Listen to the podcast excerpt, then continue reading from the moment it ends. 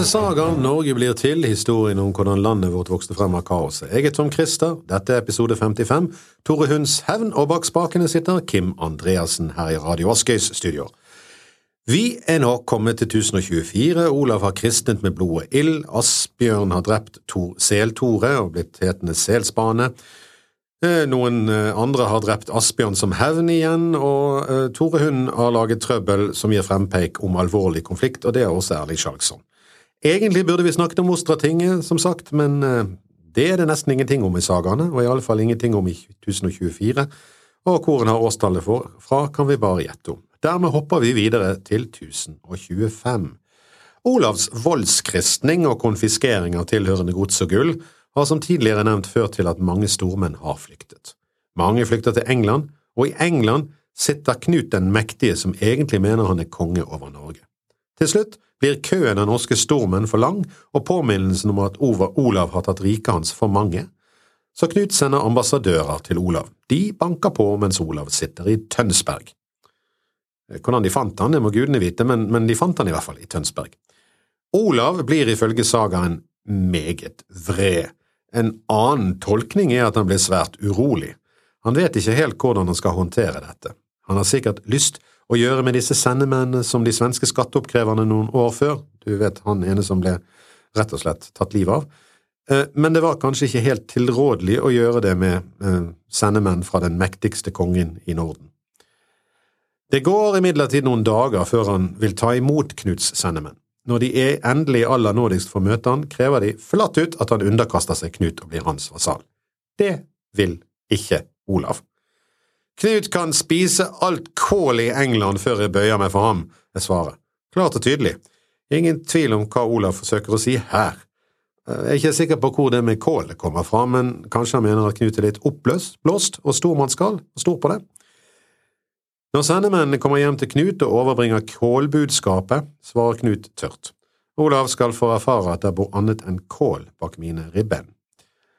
Olav ser seg nå om etter mulige allierte i en kamp med Knut, for denne trusselen tar han på høyeste alvor. Heldigvis har han én mulighet. Hans svoger er nå konge i Svitjod.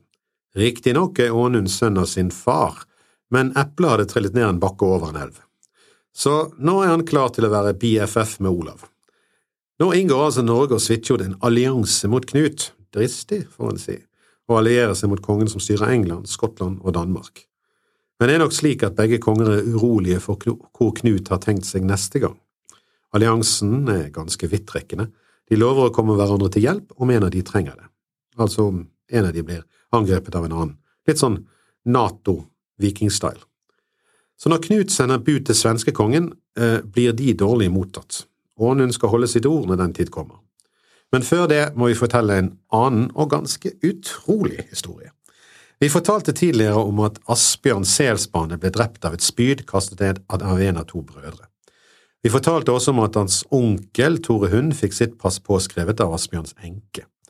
Hun holder Tore Hund ansvarlig fordi det var han som hadde overtalt Asbjørn til å trosse kongen. Hun gir han spydet som drepte Asbjørn, selshevneren. Nå skal vi avsløre navnet på Asbjørns morder. Han heter Karle den Håløgske.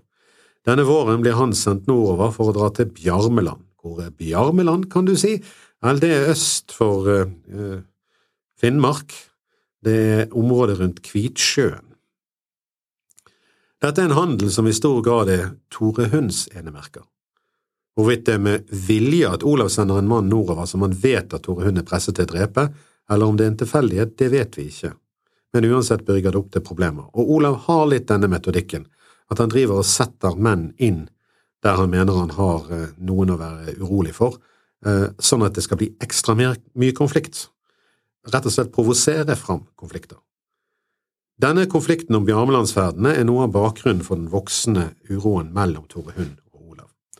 Karle har med seg sin bror, som da han drepte Asbjørn. Når Tore Hund får vite dette, følger han protokoll og gir beskjed om at han også har tenkt seg østover. Karl og broren har 25 mann hver og sender beskjed til Tore om at han også skal ta med 25 mann. Det brevet kommer tydeligvis ikke frem, og forsvinner i datidens postverks svar på Ginnungagap. For Tore han dukker opp med 80 mann, og du kan skjønne han litt. De to brødrene har 25 mann hver, altså 50 til sammen. Han føler vel kanskje at Det er ikke helt trygt å dra på tur uten å ha minst like mange menn med. Det burde gitt brødrene en idé om at dette kunne bety trøbbel. Absolutt alle ganger vi hører om slikt i sagaene, ender det med at de med færrest menn kommer ille ut for det. Kanskje det ikke var tenkt sånn i utgangspunktet, men det blir sånn underveis. Karles bror tenker akkurat det og foreslår at de gjør vennereis, men Karle er som vanlig litt uh, mer frampå og vil ikke høre på det øret. Han er for opptatt av å imponere kong Olav. Men ferden går altså overraskende greit, og de reiser til kjøpstaden i Bjarmeland ved Kvitsjøen, der det er et stort kjøpstevne, og de får rikelig med skinn i bytte for de byttevarene de har med seg. De seiler ganske fornøyde av gårde hjemover igjen, men da de vel er kommet av gårde, holder de et lite møte. Det er her Tore Hund spør om noen kunne tenke seg å være med på det som viser seg å være et rent gravplyndringstokt. Det har seg sånn, forteller Tore, at her omkring pleier de å dele arven etter de døde litt spesielt. Halvparten går til arvingene og resten til den døde. Dermed driver de og graver ned halve arven etter de døde, forteller Tore. Den delen som skal bli til den døde, den blir båret ut i skogen og gravd ned, og av og til bygger man et skjul over det. Skikken er også at man av og til holder vakt over stedet. Tore har tydeligvis fått nyss om en sånn arvegrav.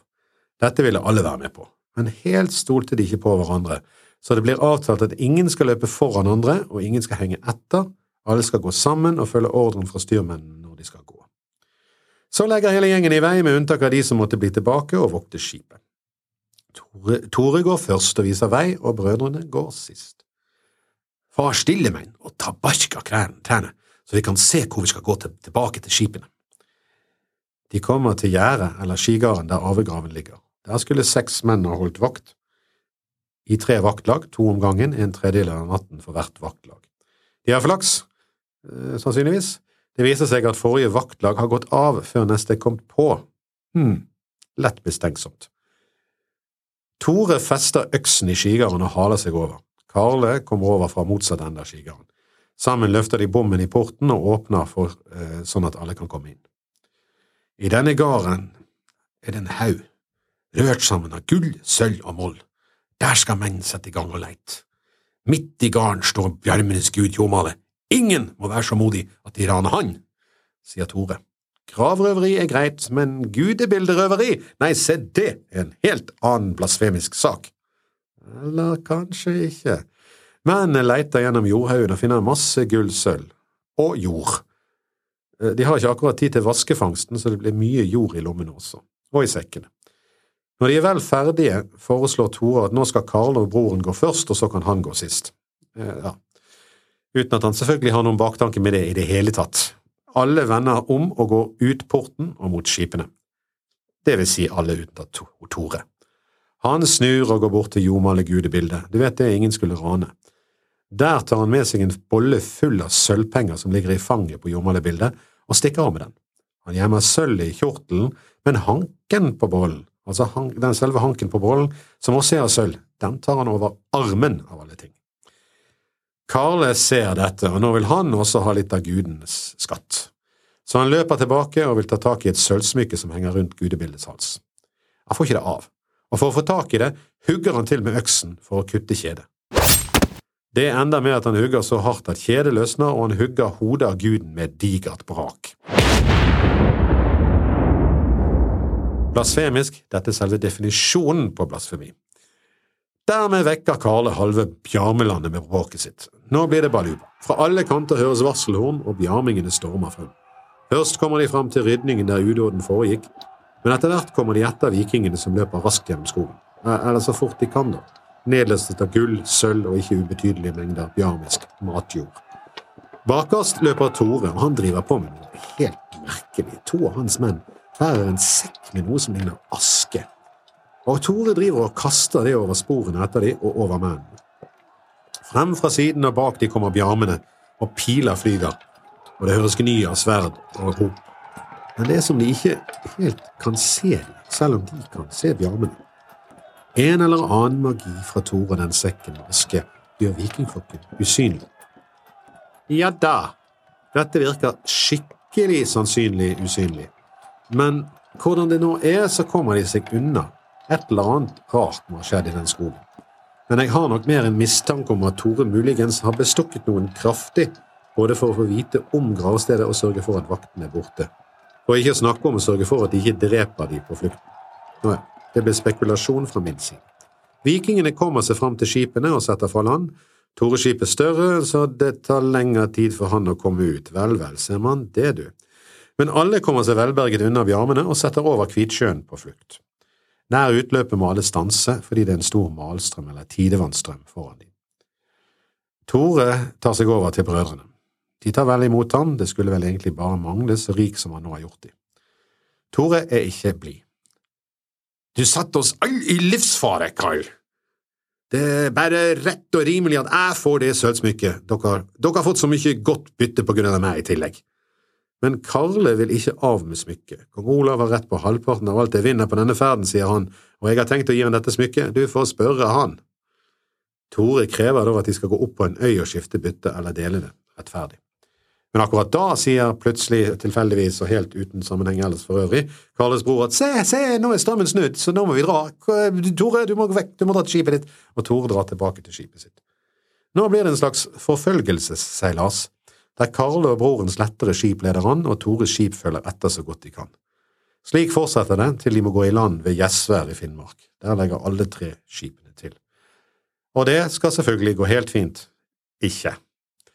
Utpå kvelden tar Tore med seg en god gjeng av sine menn og går bort og hilser litt på brødrenes skip. Han kaller til seg de to, og krever igjen å få dele byttet. Brødrene nekter, de vil vente til de er kommet sørover. Dette liker Tore svært dårlig. Det er vanlig skikk å dele byttet så snart en kan for å unngå mistro om at noen har lurt vekk noe, skjult noen plankene i skipet eller i serken eller hva det nå er, eller under en tønne. Men brødrene nekter, og de skilles i uvennskap men akkurat da de er på vei bort, snur Tore seg. Karle, jeg vil prate med deg aleine. Karle kommer bort. Her skal du få kjenne en bjarkøying, Karle, sier Tore og renner spydet gjennom Karle. Jeg tenkte du skulle få kjenne på selshevneren også. Det er det selvsamme spydet som Karl hadde drept Asbjørn Selsbane med, Tore Hunds nevø, og nå blir det også Karles bane. Karles bror ser dette, men i eh, tråd med hvordan han vanligvis oppfører seg, så tenker han ikke et sekund på å forsøke å hevne broren. Han tenker på sin egen trygghet. Og på flukt. Han og brorens mannskap hiver seg i båten og stikker av så fort de kan. Når Tore skal følge etter på sitt skip, ryker låringen, og dermed får de ikke opp seilet på en stund. Dermed kommer Karles bror og mannskapet seg unna. De farer sporenstreks til Nidaros og forteller Olav det som har hendt. Vel, sånn omtrent, da. Det virker som om noen detaljer utelates eller endres, men det er ikke så uvanlig, det. Og dette må jo få et etterspill, og etterspillet kommer neste vår. Da kaller Olav ut Leiang i Hålogaland under sin mann Finn Arnesøn. Har planen ned med denne leidangen blir først klar når den samles til husting. Tore Hund er en av de som er forpliktet til å stille skip i Leiangen, og han er der sammen med sine menn og sitt skip. Finn går rett på han. Hvilket tilbud vil du gi kong Olav for å ha drept Karle og det ran du tok av kongens gods der nord?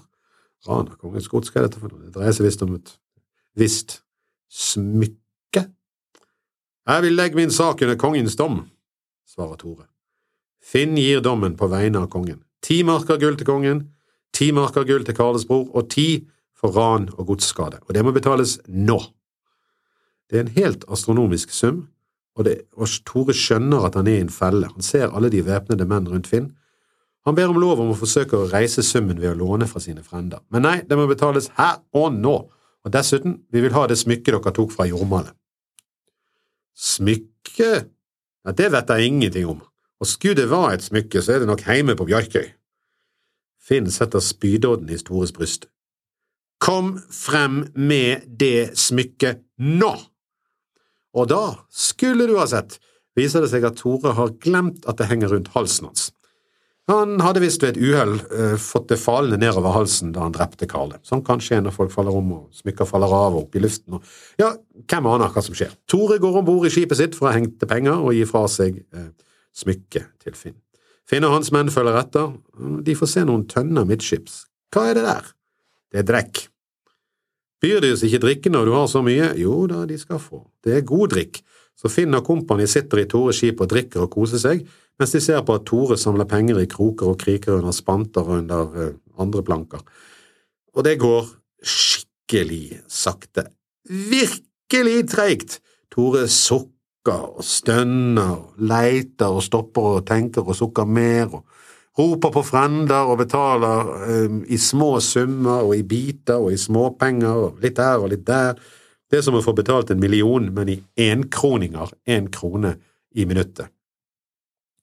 Så sakte går det at tinget tar slutt og folk begynner å gå lei og reise hjem. Denne her leiangen var visst ikke noe annet enn bare en liten øvelse. Det er som heimevernsøvelser, nå gjelder det å komme seg hjem til maten. Finn begynner å bli nervøs, for det kan se ut som det er mer av hans menn som reiser hjem enn Tores. Så når en tredjedel av boten er betalt, reiser han seg. Det går tregt med betalingen, Tore, det får bli med det her, så får du gi resten til kongen. Jeg skal betale denne gjelda, så ingen av dere synes det er dårlig betaling. Og så drar de fra hverandre.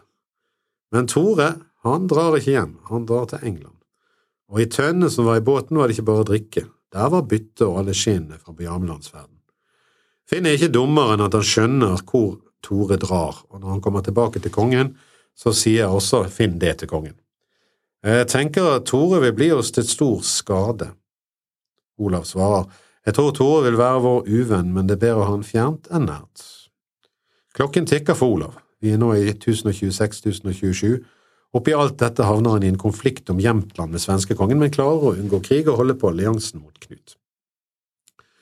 Så derimot får Olav en ualminnelig dårlig idé, som skal gi hans, hans største øyeblikk som hærfører, men også vekke den sovende dragen. Mer om det i neste episode, og før vi forlater dere, nok et vers fra, over, vers fra overmål. Vi er kommet til 16. vers. En stakkar tykkjest han støtt må leva når han strid munn sky, men alderdommen gjev ingen mann fred, um sverd honom sparde. Med andre ord, en stakkar unngår strid i kamp, fordi han tror han da skal leve evig. Men alderdommen, den tar alle uansett, også de som ikke døde i strid, så alle dør til slutt, helst gjøre det ærbart før den kommer. Dette var episode 55 i Saga Norge blir til. Jeg er Tom Christer. Kim Andreassen har styrt spakene, og du kan sende spørsmål eller kommentarer til tom.christer at gmail.com.